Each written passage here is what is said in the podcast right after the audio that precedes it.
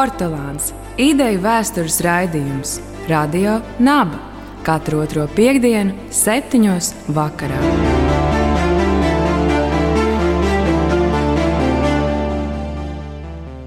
Labvakar! Ir piekdienas vakars, redzējums Portugāns, Radio Naba, un arī jums šovakar studijā, kā jau Allaž, Rudolfs Vitoļņš. Mikls Solovejs. Un mūsu šī vakara viesis, vēsturnieks Gustavs Strenga. Labvakar! Labvakar! Tad, Gustav, pirmais jautājums ir būt tev, kas veido mūsdienu skatu punktu uz Livoniju? Tas ir ļoti sarežģīts jautājums. Gatavojoties sarunai ar tevi un klausītājiem, es apskatījos, manuprāt, ļoti svarīgu lietu, kas veido daļu daļai Latvijas sabiedrības priekšstatu par viduslaiku pagātni, proti, dramaturgiju, izrādes, lugas, kas ir iestudētas, vai arī grāmatas. Un, man ienāca prātā, ka patiesībā tāds nu, mūsdienās varbūt mazāk, bet 90. gados un um, 2000. gada sākumā milzīga loma ir bijusi Mārai Zalītai proti ar lāču plēsi, kurā ir izmantots pumpurs, Andrejs Pumpurs un viņa epos, bet, protams, ka tur ir ielikts iekšā šis 80. gadu beigu cīņa ar uh, padomju sistēmu, bet tajā pašā laikā tur ir šie slikto vāciešu arhitekti,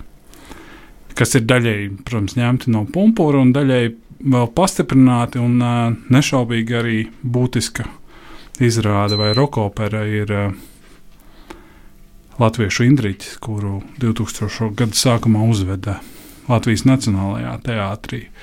Un visi šie vēstījumi, viņi, viņi sevī nes, nes šo domu par to, ka tie ir svešie, kas mūs ir iekarojuši. Var teikt, ka tā no vienas puses tā ir tā vecā skatījuma, kurš ir radies 19. gadsimta beigās, 20. gadsimta sākumā un bijis pastiprināts 20. un 30. gados, tādā izmantošana tajā pašā laikā. Jebkurš mākslas darbs pastiprina šo te nu, viedokli vai sajūtu, un man bija iespēja kopā ar studentiem Kreisvalds Universitātē noskatīties vēlreiz eh, filmu Baltu ciltis, eh, pēdējā Eiropas pagāni, kas ir iznākusi pirms pāris gadiem. Un arī tur šis te mm, nu, stāsts par to, ka ir bijusi zināma paradīze vai laimīga tauta vai daudzskaitlīga ciltis vai tautas vai etnolingvistiskās grupas, vienalga kā mēs to nosauksim, kas dzīvoja Austrumbaltijā, tad atnāca kādi eh, sliktie šī doma arī šajā filmā ir ļoti klātesoša. Filma, manuprāt, ir visnotaļ laba. Vien, vienīgi tas, ka te zināmā mērā historiografija nonāk kon, eh, konfliktā ne tikai ar eh, zināmas daļas sabiedrības viedokli, bet arī ar šiem mākslas darbiem. Un pietiekami iedarbīgajiem mākslas darbiem. Un proti, tas konflikts ir tāds, ka, ja mēs skatāmies, ja mēs mēģinām saprast, kas ir noticis 13. gadsimtā, kurš arī izveidoja Livoniju. Mēs vienkārši redzam, ka mēs nevaram izmantot šodienas, šodienas instrumentus, lai to redzētu. Tajā pašā laikā mēs nevaram noliegt, ka kristīgā ticība un arī pat pašas Livonijas struktūras 13. gadsimtā tika izveidotas ar uh, vardarbības palīdzību. Un te ir tāds zināms konflikts. Es kā vēsturnieks varu teikt, nē, mēs nevaram raudzīties uz to uz Livoniju tikai kā uz vietējo pakļaušanu. Tajā pašā laikā vietējo pakļaušana tur ir klātesoša, bet tas nav, tas nav šis te ne, mums, uh, latviešiem un arī igauniem, pietiekami mīļais uh, no arhitekts uh, vai doma par mūžīgo brīvības cīņu, kas ir sākusies viduslaikos un beidzot 20. gadsimtā arī iegūt neatkarību un pēc tam zaudēt un vēlreiz iegūt neatkarību. Patiesībā man šķiet, ka Livonija pati par sevi kaut kādā ziņā um, ir kalpojusi latviešu nācijai kā tas pretstāsts. Proti, tad, kad latviešu nācija veidojās 19. gadsimtā, ko latviešu intelektuāļi darīja. Viņi pārņēma vācu baltiešu vēsturnieku rakstīto un arī viduslaika kronikās rakstīto un pagrieza pret vāciešiem. Nevis to izmantoja kā Livonijas izveidi, kā tādu kultūras atnešanu, bet gluži otrādi. Piemēram, mums labi pazīstamo Indriča vai Henrija kroniku izmantoja kā stāstu par pakļaušanu. Un, manuprāt, īstenībā atslēga tam mūsu skatījumam uz Livoniju ir 19. gadsimtā. Tad, kad veidojas latviešu nācija, veidojas īņķu nācija, tas ir patiesībā galvenais stāsts, ka mēs esam pakļauti pagātnē, mēs esam dzīvojuši brīvībā pirms pēdiņās vāciešu atnākšanas. Un, jā, man šodien tā kā patiesībā parādīt šo sarežģītību populāri zinātniski, man šķiet, ka ir ļoti, ļoti sarežģīti. Un šis te, šī, šīs grūtības saprast Livoniju, viņas būs ne tikai mūsu paudzē, bet arī nākamajām paudzēm. Un tas uh, Un daudz jautājumu ir vienkārši ļoti grūti skaidrojumi, vai arī uz viņiem nevar iegūt vienkāršas atbildes. Jā, un nav arī emocionālā piesaiste šim laikam. Bet atkal, vēlreiz mēs sev jautājam, 300 gadi no Latvijas teritorijas, un šis laiks tomēr mūs formēja kā piederīgs rietumu kultūra telpai. Arī īpatsvars nu, vietējo cilšu iedzīvotāju tomēr šeit bija ļoti daudz. Cik es saprotu, 10% pret 90%. Ja, tad 10% Jā. šī te, uh, elite, kur runāja leisvācu valodā un lieto latīņu valodu, un tad ir 90% nu, šie vietējo cilšu pārstāvji, kur pēcteči ir latvieši. Ja. Uh, viņu balss vispār ir dzirdama. Varbūt tur ir problēma. Nu, tā problēma ir ar viduslaika avotiem. Tā, tas patiešām mums avoti neļauj ļoti skaidri dzirdēt to balsi, izņemot viduslaika kronikas, domājot Henrika kroniku 13. gadsimta sākumā un pēc tam um, Livonijas vecāko atskaņu kroniku, kas ir sarakstīta 13. gadsimta nogalē.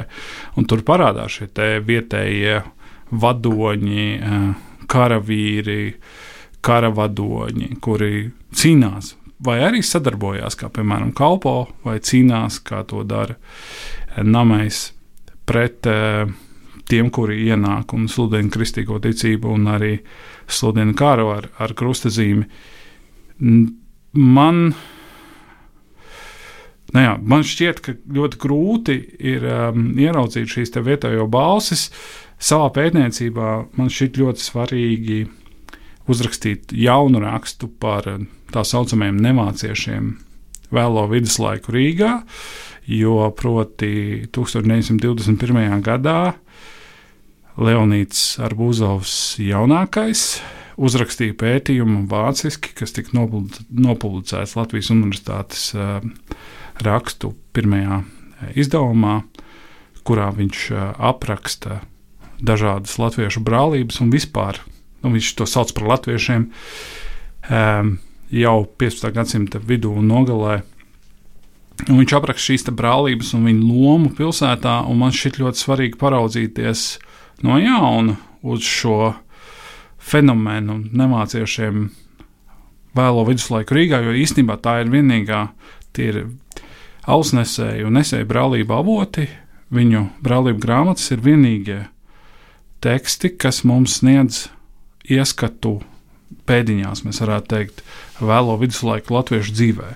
Un man šķiet ļoti interesanti ieraudzīt to, kā viduslaika pilsētā šie vietējie, kuriem mēs gribētu, kā, nu, mēs gribētu viņus saukt par latviešiem, kādā veidā viņus cenšas integrēt pilsētas. Pilsētas dažādās organizācijās, un, protams, ka lielākā daļa no viņiem pieder zemākajam slānim, sociāli zemākajam slānim, un lielākā daļa no viņiem arī ir ienācēji.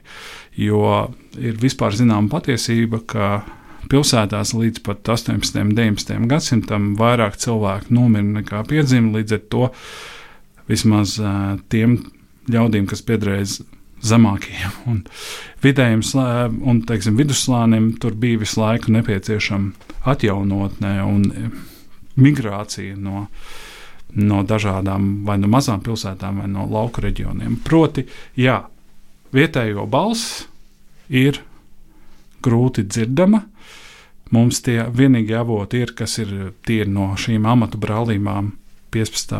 un 16. gadsimta sākuma Rīgā, un tur mēs redzam, ka šie cilvēki, kuri visticamāk piederēja etniski, vai viņu vecāki ir bijuši piederīgi vietējām etniskajām grupām, viņi piedalās gan brālību pārvaldē, viņi nepiedalās pilsētu pārvaldē, jo tā ir tirgotāji un lielās ģildes un rātas rokās, protams, bet viņi ir līdzdalīgi šajā pilsētas,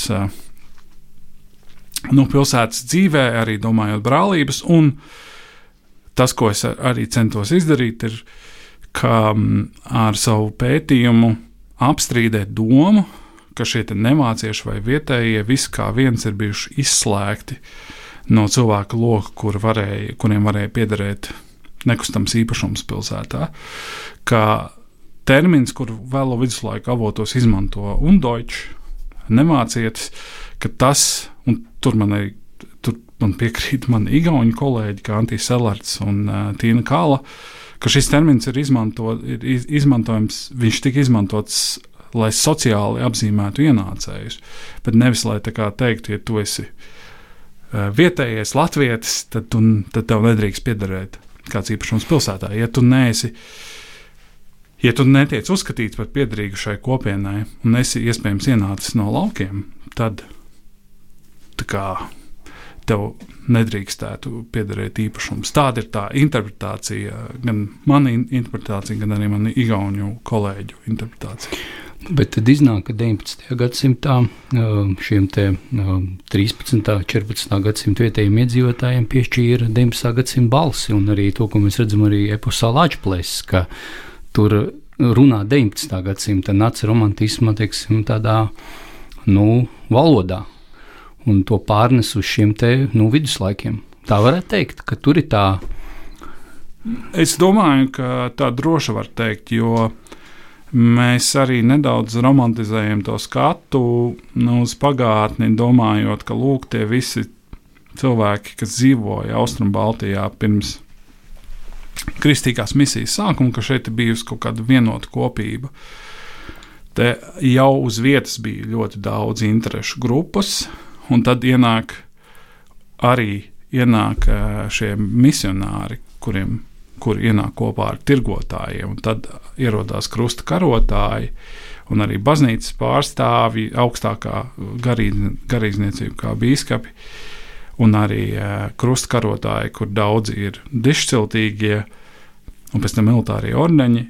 Tās visas ir ļoti dažādas interešu grupas, man liekas, ka tas, tu, tur ir tā galvenā problēma, ka nav uh, viena pret otriem, bet tur ir ļoti daudz, ļoti daudz dažādu mm, grupu, kuras cīnās savā starpā, slēdz vienošanās, tad vieni ir sabiedrotie otriem, un pēc tam karo pret citiem. Tas ir ļoti tāds, nu, sarežģīts process. Kurus mēs padarījām melnbaltus šodien? Jā, jā, kurus mēs padarām melnbaltus, jo tā ir vienkāršāk. Vienkārši teikt, latvieši, lai gan 13. gadsimtā latvieši vēl nepastāvēja, latvieši tika pakļauti un to izdarīja vācieši, lai gan 13. gadsimtā arī vāciešu nebija. Bet vai tad, tādā gadījumā apgalvojums vai teiksim, sajūta, ka Livonija ir laikmets bez spilgtu personību šarma, ir drīzāk no avotu trūkuma, vai arī drīzāk Eh, tās ir sekas ilgstošai šo personu demonizēšanai, tēlojumam par nu, vardarbīgiem ienācējiem, un kas radīs līdz ar to tādu atgrūšanos, neieinteresētību un līdz ar to noskaņu, par, nu, garlaicības noskaņu par šīm personām. Nu, man šķiet, ka ne, tā gluži nevar teikt, ka viduslaika Livonijā nav interesantu personību. Mans jaunais projekts, kur, kurā es darbojos, ir saistīts ar viduslaika varoņiem. Uh, Un es arī izmantoju vairākus uh, Livonijas uh, varoņus, lai parādītu viņu dzīvi viduslaikos un pēc viduslaikiem, teiksim, varoņu dzīvi pēc personas nāves. Es, kā, es domāju, mums šķiet, ka to varoņu nav. Bet mēs varam to sadalīt šo jautājumu divās daļās. Vācu baltiešiem bija ļoti skaidri šie varoņi un svarīgās personas. Protams, tas ir biskups Alberts. Uh, Rīgas dibinātājs un pirmais biskups, kuram bija veiksmīgi. Te viņi visi bija veiksmīgi domājot par to, ka viņš spēja izveidot baznīcas struktūru šeit, vietā, kas pēc tam kļuva par Livoniju. Un tad, protams, arī Walters von Pletenbergs, Vācu ordeņa Livonijas atzemnesters. 15. gadsimta nogalē, 16. gadsimta sākumā, kurš bija ļoti svarīga persona vēlāk arī Vācu baltiešiem, kā kopienai. Es neteiktu etniskai grupai vai nācijai, jo viņi neizveidojās par nāciju, viņi arī bija gauži maz, tikai pāris desmit tūkstoši. Un savukārt latviešiem, tad, kad latvieši veidojās kā nācija, bija ļoti svarīgi viduslaika varoņi Imanta, kas ir da daļēji mitoloģisks tēls, kuru ir radījis Merķels. Un, protams, šie te es liktu pēdiņās viduslaiku ķēniņi, kā viestarts, kā tālivaldis, kā jau pieminētais namējs. Un mums vienkārši šodien vairs šie tēli no viduslaikiem nav svarīgi, tāpēc ka Mums ir citi varoņi vai citas personības, kurām mēs sakojam, bet 19. gadsimta nogalē, 20. 20. gadsimta sākumā tie bija svarīgākie pagātnes tēli. Ne tikai vācu baltiešiem, bet arī latviešiem. Protams, um, man šķiet ļoti interesanti pētot, atrast, ka pirma, vienā no pirmajām uh, vēstures grāmatām, kur tika izmantota Latvijas vēstures mācīšanai skolās, Pletenbergs parādās kā tēls, un viņš īstenībā parādās kā varonis, tas viss stāsts ir nokopēts no Vācu Baltiešu vēstures grāmatām. Vienkārši 20. gadā, tad, kad vēl noritēja neatkarības karš, nebija šī iespēja pārskatīt, kā mēs raudzīsimies uz to pagātni, kā, kā mēs mācīsim, kur tik daudz lietas kopētas, bet arī mēģinājums, protams, ir pavērst, kur reizē šis Pletenbergs ir varonis, reizē pretinieks, jo viņš pārstāv šo vācu apspiedēju kārtu. Mm. Bet, nu jā, tad, tad vācu ordeņa Livonijā.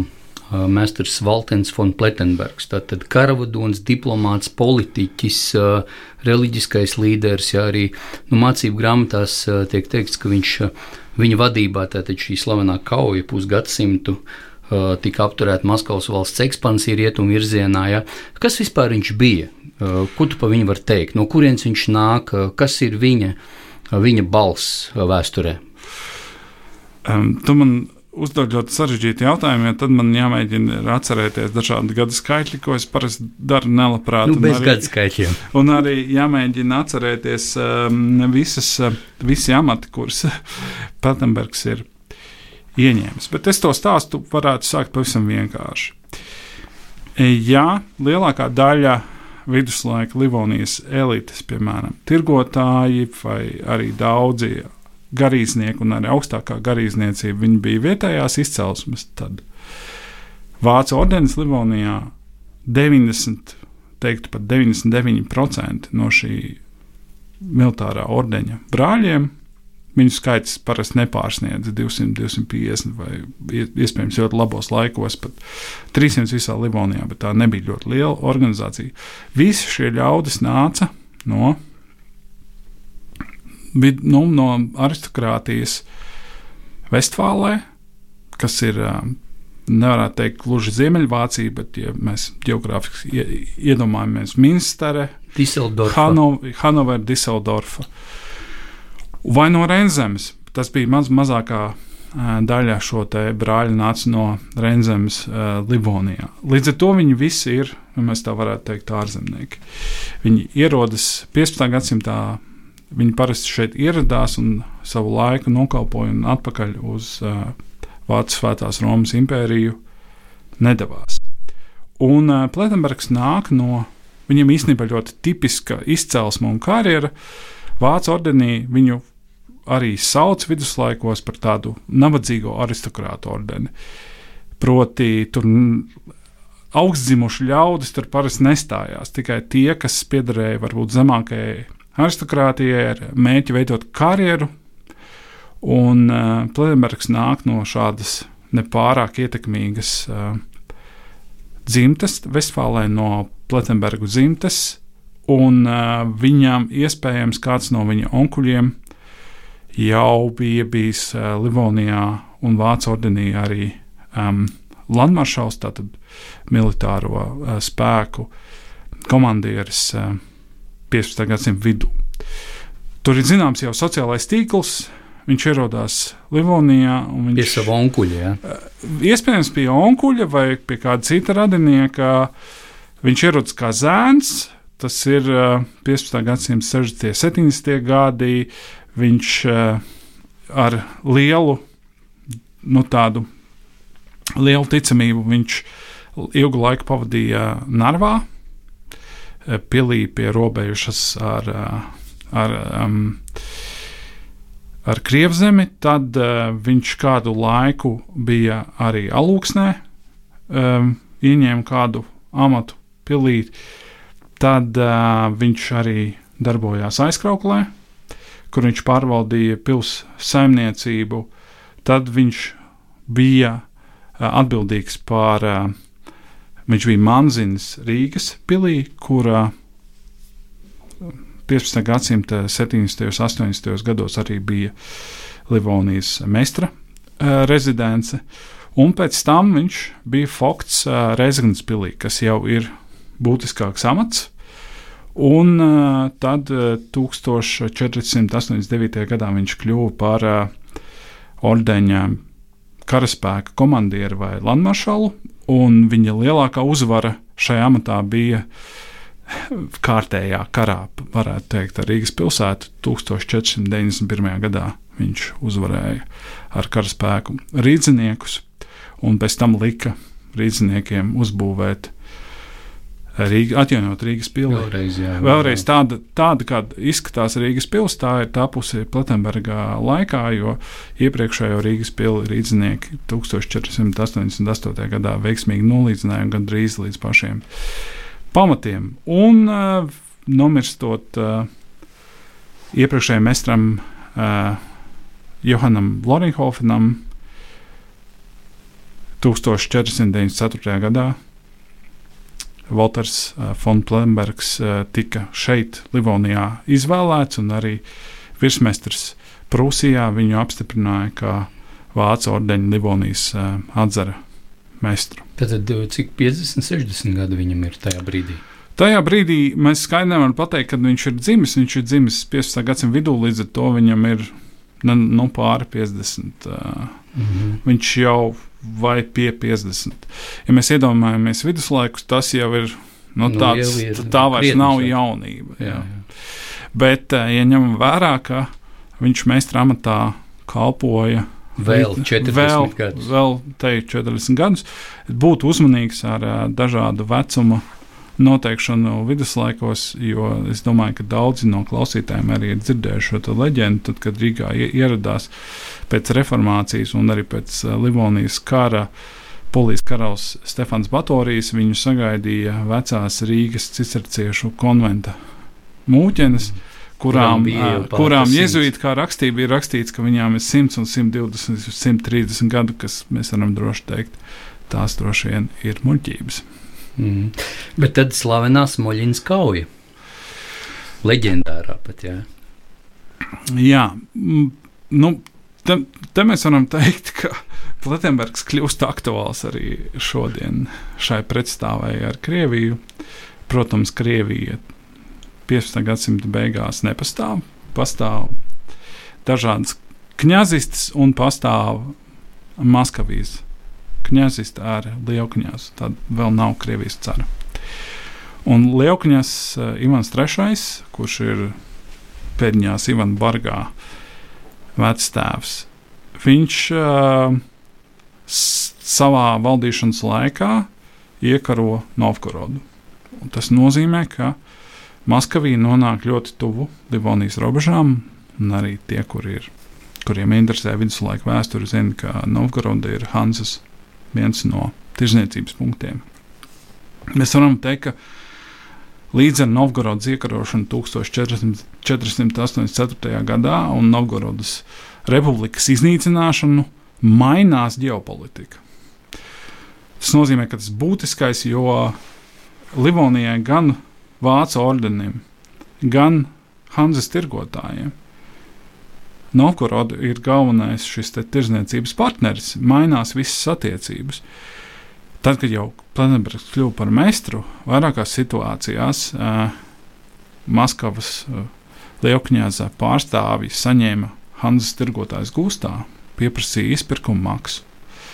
Uh, tur bija ļoti sarežģītas attiecības, un jau šajos 15. gadsimta 90. gados ir skaidrs, ka militārs konflikts būs. Plus vēl šajā visā sarežģītajā situācijā ir uh, iesaistīta arī Lietuvas uh, dišku kunigaitīja, um, kura, kur arī Ivans grib uzbrukt viņiem.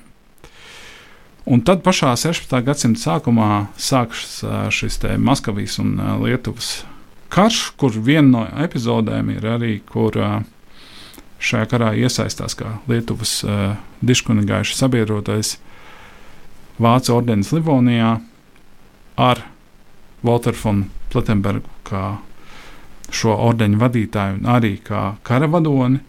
Un līdzās, protams, arī iesaistās arī Rīgas arhibīskapijas uh, spēki ar uh, Mihālu Hildebrandu kā šo spēku padoni, plus arī um, tad, kad sāk šis karš, un tas ir tas, kur parādās varbūt latviešu balss, un kur arī historiografijā tas ir ticis ļoti bieži uz, uzsvērts, ka Vācu ordenis um, nekaroja tikai bruņinieki, tātad šie brāļi, bet ka ordeņa karaspēkam gan palīdzēja augotņi, kas ir visticamāk kaut kur no Ziemeļvācijas vai no citām vietām noalgoti, gan arī vietējās izcelsmes karotāji.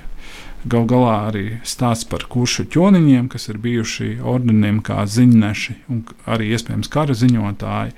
Un citas vienības mēs, protams, skaidri nezinām par visām šo vietējo iedzīvotāju nē, karojošu zemnieku funkcijām, bet skaidrs, ka šajā kaujā 1502. gadā mm, pie Smoļinas ezera, ar, kur pretējā pusē ir Maskavas lielkņāza spēki ar Pleskavas spēkiem un arī ar Novgorodas karaspēku šajā kaujā piedalās, piedalās arī, varētu teikt, latviešu zemnieki.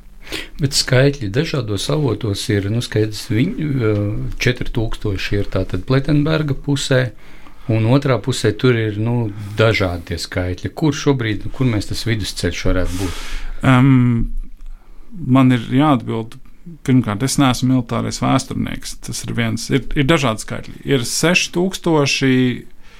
4 līdz 6 tūkstoši Livonijas karaspēks, un pretī ir bijuši 10 līdz 16 tūkstoši šo mm. Maskavas lielkņās un viņa sabiedroto. Vēlāk, viduslaiku, vēlo viduslaiku historiografijā šis skaitlis tiek Aug, uzpūsts uh, līdz tam, ka pretī ir stāvējuši 40 tūkstoši un tā tālāk. Nu, mēs varam teikt, ka aptuveni tie lēsums, ka tie var būt 4, 6 tūkstoši pret kādiem desmit, tas varētu būt ticami, un arī mans kolēģis Vācu vēsturnieks Aleksandrs Barānovs ir pavisam nesen uzrakstījis rakstu par šo kauju. Es sliektos, viņš arī pietiekami skeptiski skatās uz šo visiem kaujas aprakstiem, un es sliektos piekrist viņam un arī tiem, kuriem interesē skaitļi, var uzmeklēt viņa rakstu. Um, tas, kas ir svarīgi, kā par visām kaujām, gan viduslaikos, vai arī agrējos jaunos laikos, arī mūsu skatījumu ietekmē tas, kā šīs kaujas ir izmantotas gan propagandā, gan kolektīvās atmiņas veidošanā pēc šīm kaujām. Un Smolinas kauja ir vienkārši lielisks piemērs. Jo uz kā mēs balstamies? Mēs balstamies kaujas aprakstā, pamatā uz vācu ordeņa paša vēstījumiem par šo kauju. Un, protams, kā kauja. Es, iespējams, mēs, mēs ar tevi to nepateicām, bet uh, klausītājiem šajā kaujā Livonijas karaspēks uzvarēja. Un uh, šis narratīvs bija, ka Livonijas karaspēks ir uzvarējis pret milzīgu pārspēku. Šodienas uh, skatījumā uh, vēsturnieki raugās ar skepsi. Nu, saka, tā ir uzvara, bet tā varbūt nebija pārāk militāri nozīmīga uzvara, jo Livonijas karaspēka karagājiens Plaskavas teritorijā nemaz neturpinājās. Bet uh, nodoms Vācu ordenim bija skaidrs, pateikt, mēs esam uzvarējuši kaujā, un mēs esam, un arī mūsu karavadonis Walters un Pledenbergs ir varonīgs uh, karotājs. Protams, tajā situācijā ap 1502 un 1503 gadu um, Livonijā neviens nevarēja būt drošs, ka Ivans III neuzbruks atkal, vai nebūs militārs apdraudējums. Tādēļ viss šī propaganda, kas tika pēc tam izvērsta, un arī tapa šis stāsts, kas saucās Šona Historijas, skaistā vēsture, ap 1507.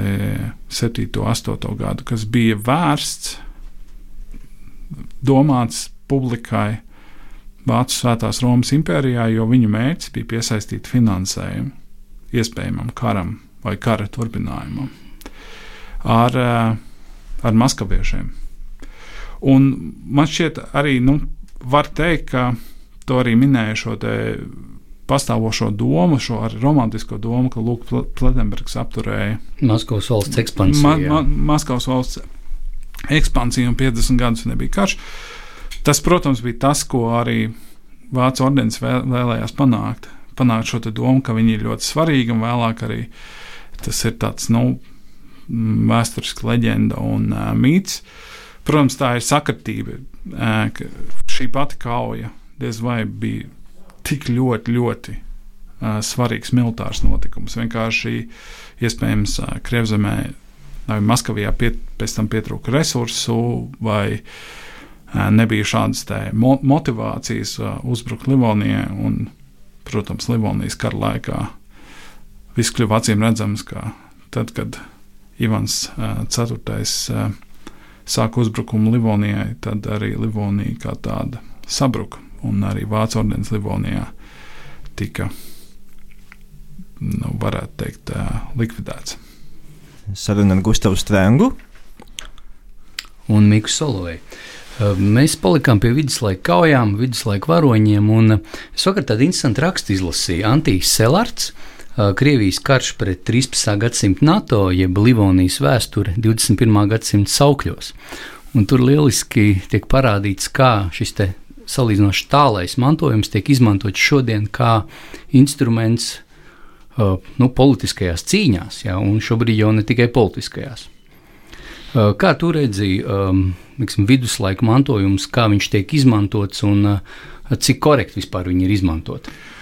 Nu, Jāsaka uzreiz, ka, protams, viduslaiku aktualitāte 20. gadsimta nogalē un arī 21. Gads, gadsimta sākumā nav tik liela kā reiz. 20. gadsimtā, domājot tieši arī par gadsimta sākumu, Pirmo pasaules karu un arī Otro pasaules karu, kad patiesībā visi šie viduslaiku stāsti un varoņi ieguva pilnīgi citu nozīmi.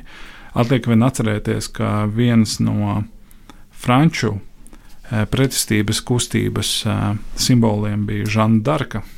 Un viens no svarīgākajiem propagandas instrumentiem Padomju Savienībā jau sākoties Otrajam pasaules karam, bija 1938. gadā nofilmētā Sergeja Eizensteina filma Aleksandrs Ņevskis, kur ir tieši parādīts šis uh, konflikts starp Krievzemi, Aleksandru Ņevski un Vācu ordeni, un uh, arī ledus kauja, kur notika 1242. gadā, uh, kurā Ņemskis ar savu karaspēku sakāva uh, Vācu ordeņa Livonijas atzara karaspēku. Un, uh, tas arī patiesībā Melnbalts skatījums. Tieši, atkal. tieši šī kauja arī ir um, antiselārta tekstā mm -hmm. uh, pamatā, un tas ir melnbalts skatījums, kas ir izmantojams propagandai, un uh, to arī gan uzskata antiselārts, gan arī citi vēsturnieki, ka šī kauja nemaz nebija tik militāri svarīga. Tas bija arī Vācu ordenim nebija nekāds uh, mēģis iekarot vai nu Pleskavu vai Novgorodu vai kādu citu pilsētu, bet tas bija nu, viens no tādiem nu, viduslaika karagājieniem. Un viena no vairākām kaujām, eh, kas iespējams nemaz nebija tik būtiski pašam, šis zaudējums nebija tik būtisks eh, pašam Vācu ordenim. Livonijā, bet pēc tam, vairākus gadsimtus vēlāk, šis kļūst par ļoti nozīmīgu tēlu. Piemēram, Voltera von Pletenberga gadījumā, tad, kad Platenbergs bija būtisks vācu baltiešu minoritātei, bet nu, ļoti svarīgai grupai, Krievijas impērijas, Baltijas provincēs, kino nepastāvēja. Viņiem arī tie resursi nebija tik daudz, bet pastāvēja daļās mākslas.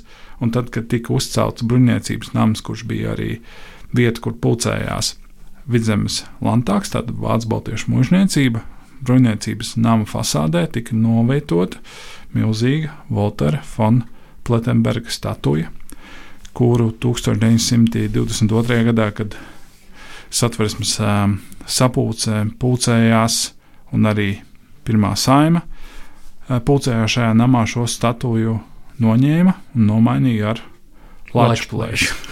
Protams, mēs varam teikt, ka pastāvēja ļoti 19. gadsimta beigās un 20. gadsimta sākumā ir ļoti daudz dažādu skulptūru un Pletenberga attēlojumu arī šeit, Vidzemē, Kurzemē un Igaunijā.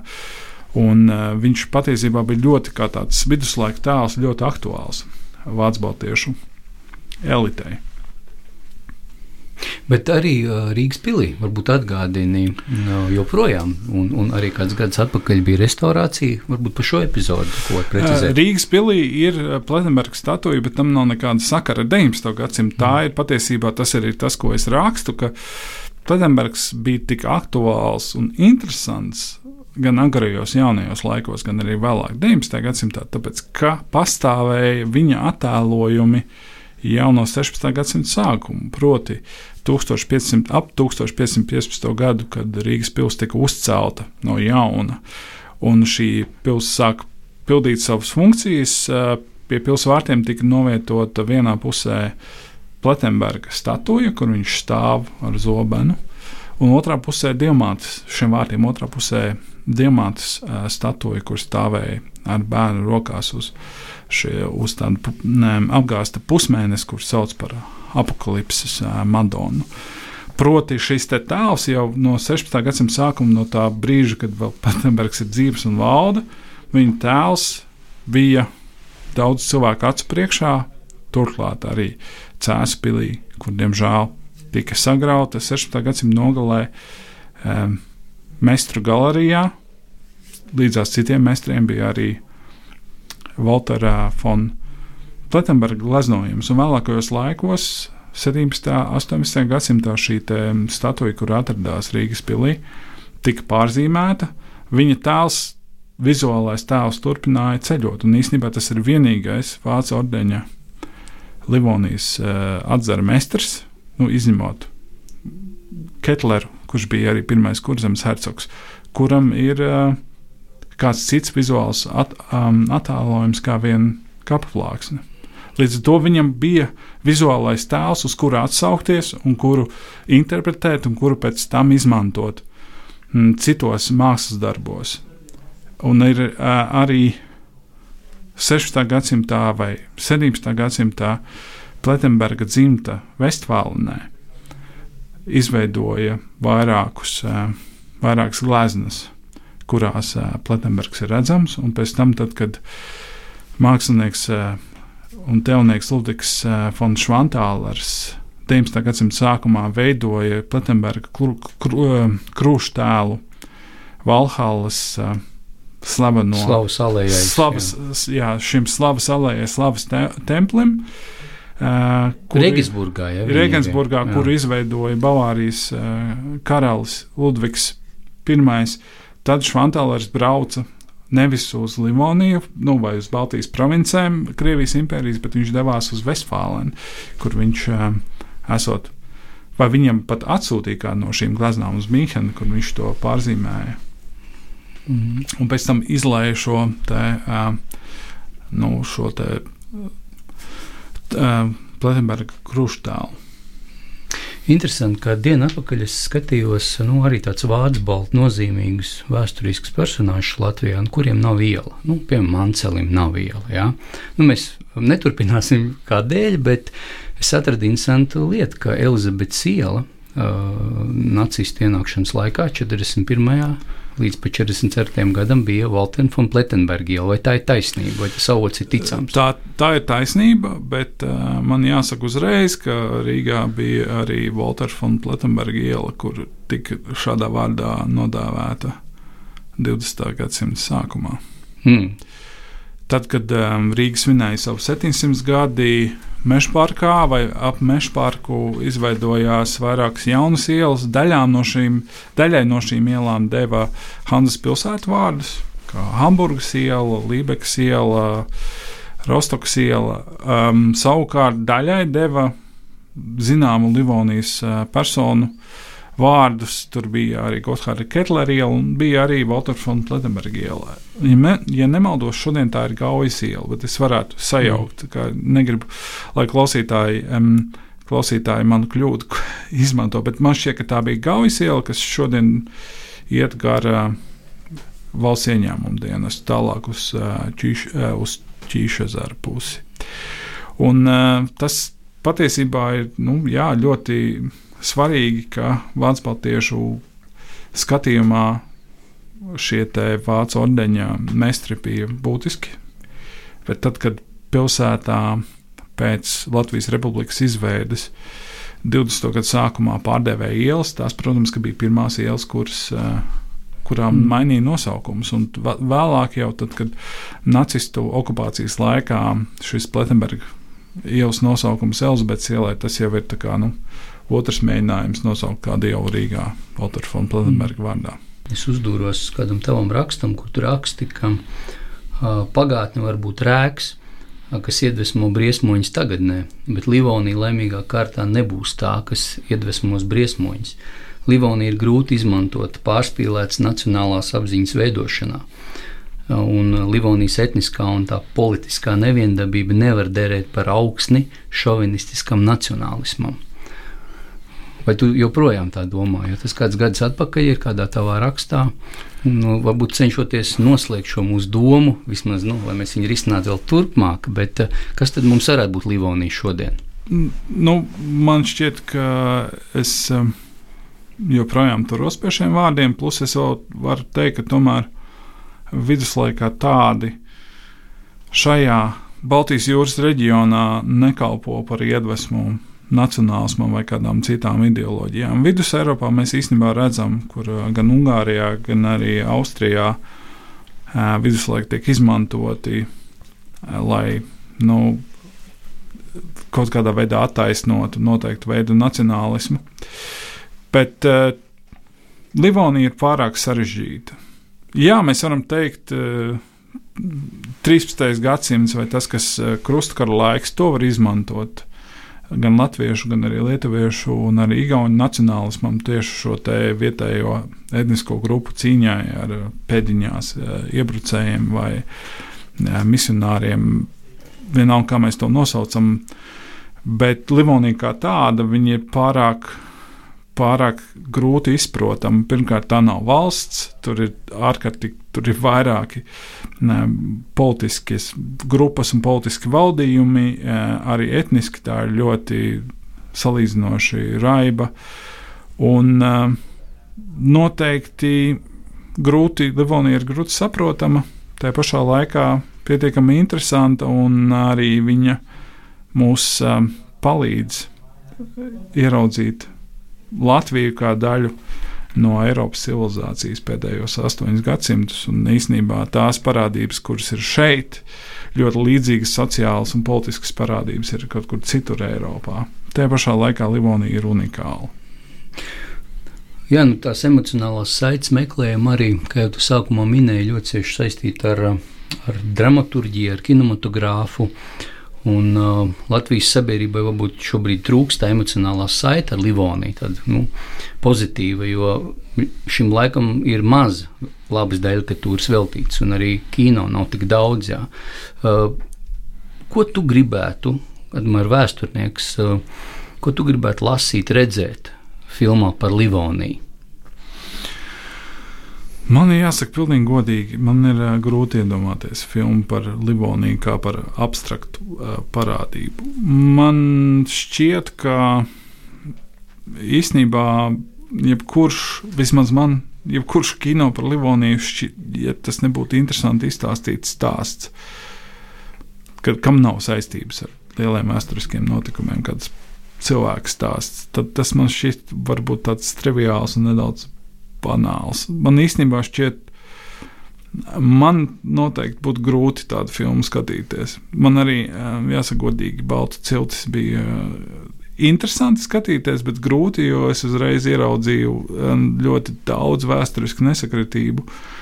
Bet tas nenozīmē, ka nav jāpastāv vēsturiskam kino. Vienkārši tā ir tā lieta, ja tu kaut ko ikdienā nodarbojies, tad um, skatīties to uz lielā ekrāna vienmēr ir nu, grūti vai izaicinājums. Uh, Manuprāt, vēsturniekiem nav jātaisa filmas. Filmas ir jātaisa radošiem ļaudīm, kino ļaudīm, kuri redz, kā kaut kādu stāstu var izstāstīt arī ar vēstures elementiem. Vai jābūt filmai par Livoniju? Es nezinu.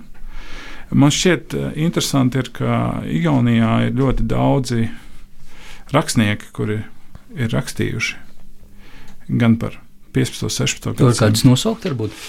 Janam Krosam ir vairāki romāni, kas ir saistīti ar, ar Livoniju un arī ar 16. gadsimtu. Ir Melisam Rozentālam šķiet bija romāns par 17. gadsimta vienu studentu Tartu. Un tie ir ļoti interesanti stāsti, bet viņi ir interesanti nevis tādēļ, ka viņi ir ielikti kaut kādā šajā Livonijas kontekstā, bet viņi ir vienkārši labi izstāstīti notikumi caur kādu cilvēku prizmu, viņa pārdzīvojumiem. Un tas, ir, tas var gan notikt 15. gadsimtā, 16, 18, 19, 21. Man šķiet, tas nav svarīgi. Svarīgākais ir, vai stāstītājs spēj to izstāstīt mākslinieciski, aizraujoši. Nē, es piekrītu. Drīzāk es jautāju par to, ka mēs reizēm tā teleportējam tādus tumšo viduslaiku mītus uz pagātni. Es tieši par to domāju, ka ir kāds tāds uh, stereotipu komplekts, ja, kam obligāti jābūt ir viduslaiku romānā vai viduslaiku filmā. Ja, tad mēs redzam no filmas uz filmu to, un tas arī veido šo priekšstatu ļoti daudziem cilvēkiem par viduslaiku. Es te neuzskatīšu, es domāju, mēs visi viņus zinām. Ja. Visāk tas bija tāds jautājums. Piemēram, ka cilvēki ir uh, viduslaikos, cilvēki, ja tas ir viduslaiks cilvēks, tad noteikti jābūt netīram. Jā, jā, tas ir viens no. Jā. Gustavs, laiks skrien, un paldies par sarunu. Es ceru, ka tu atnāksi vēl kādreiz ciemos. Jā, paldies un, par sarunu. Jā. Paldies, visu labu, un raidījums pirms atgriežas pēc divām nedēļām.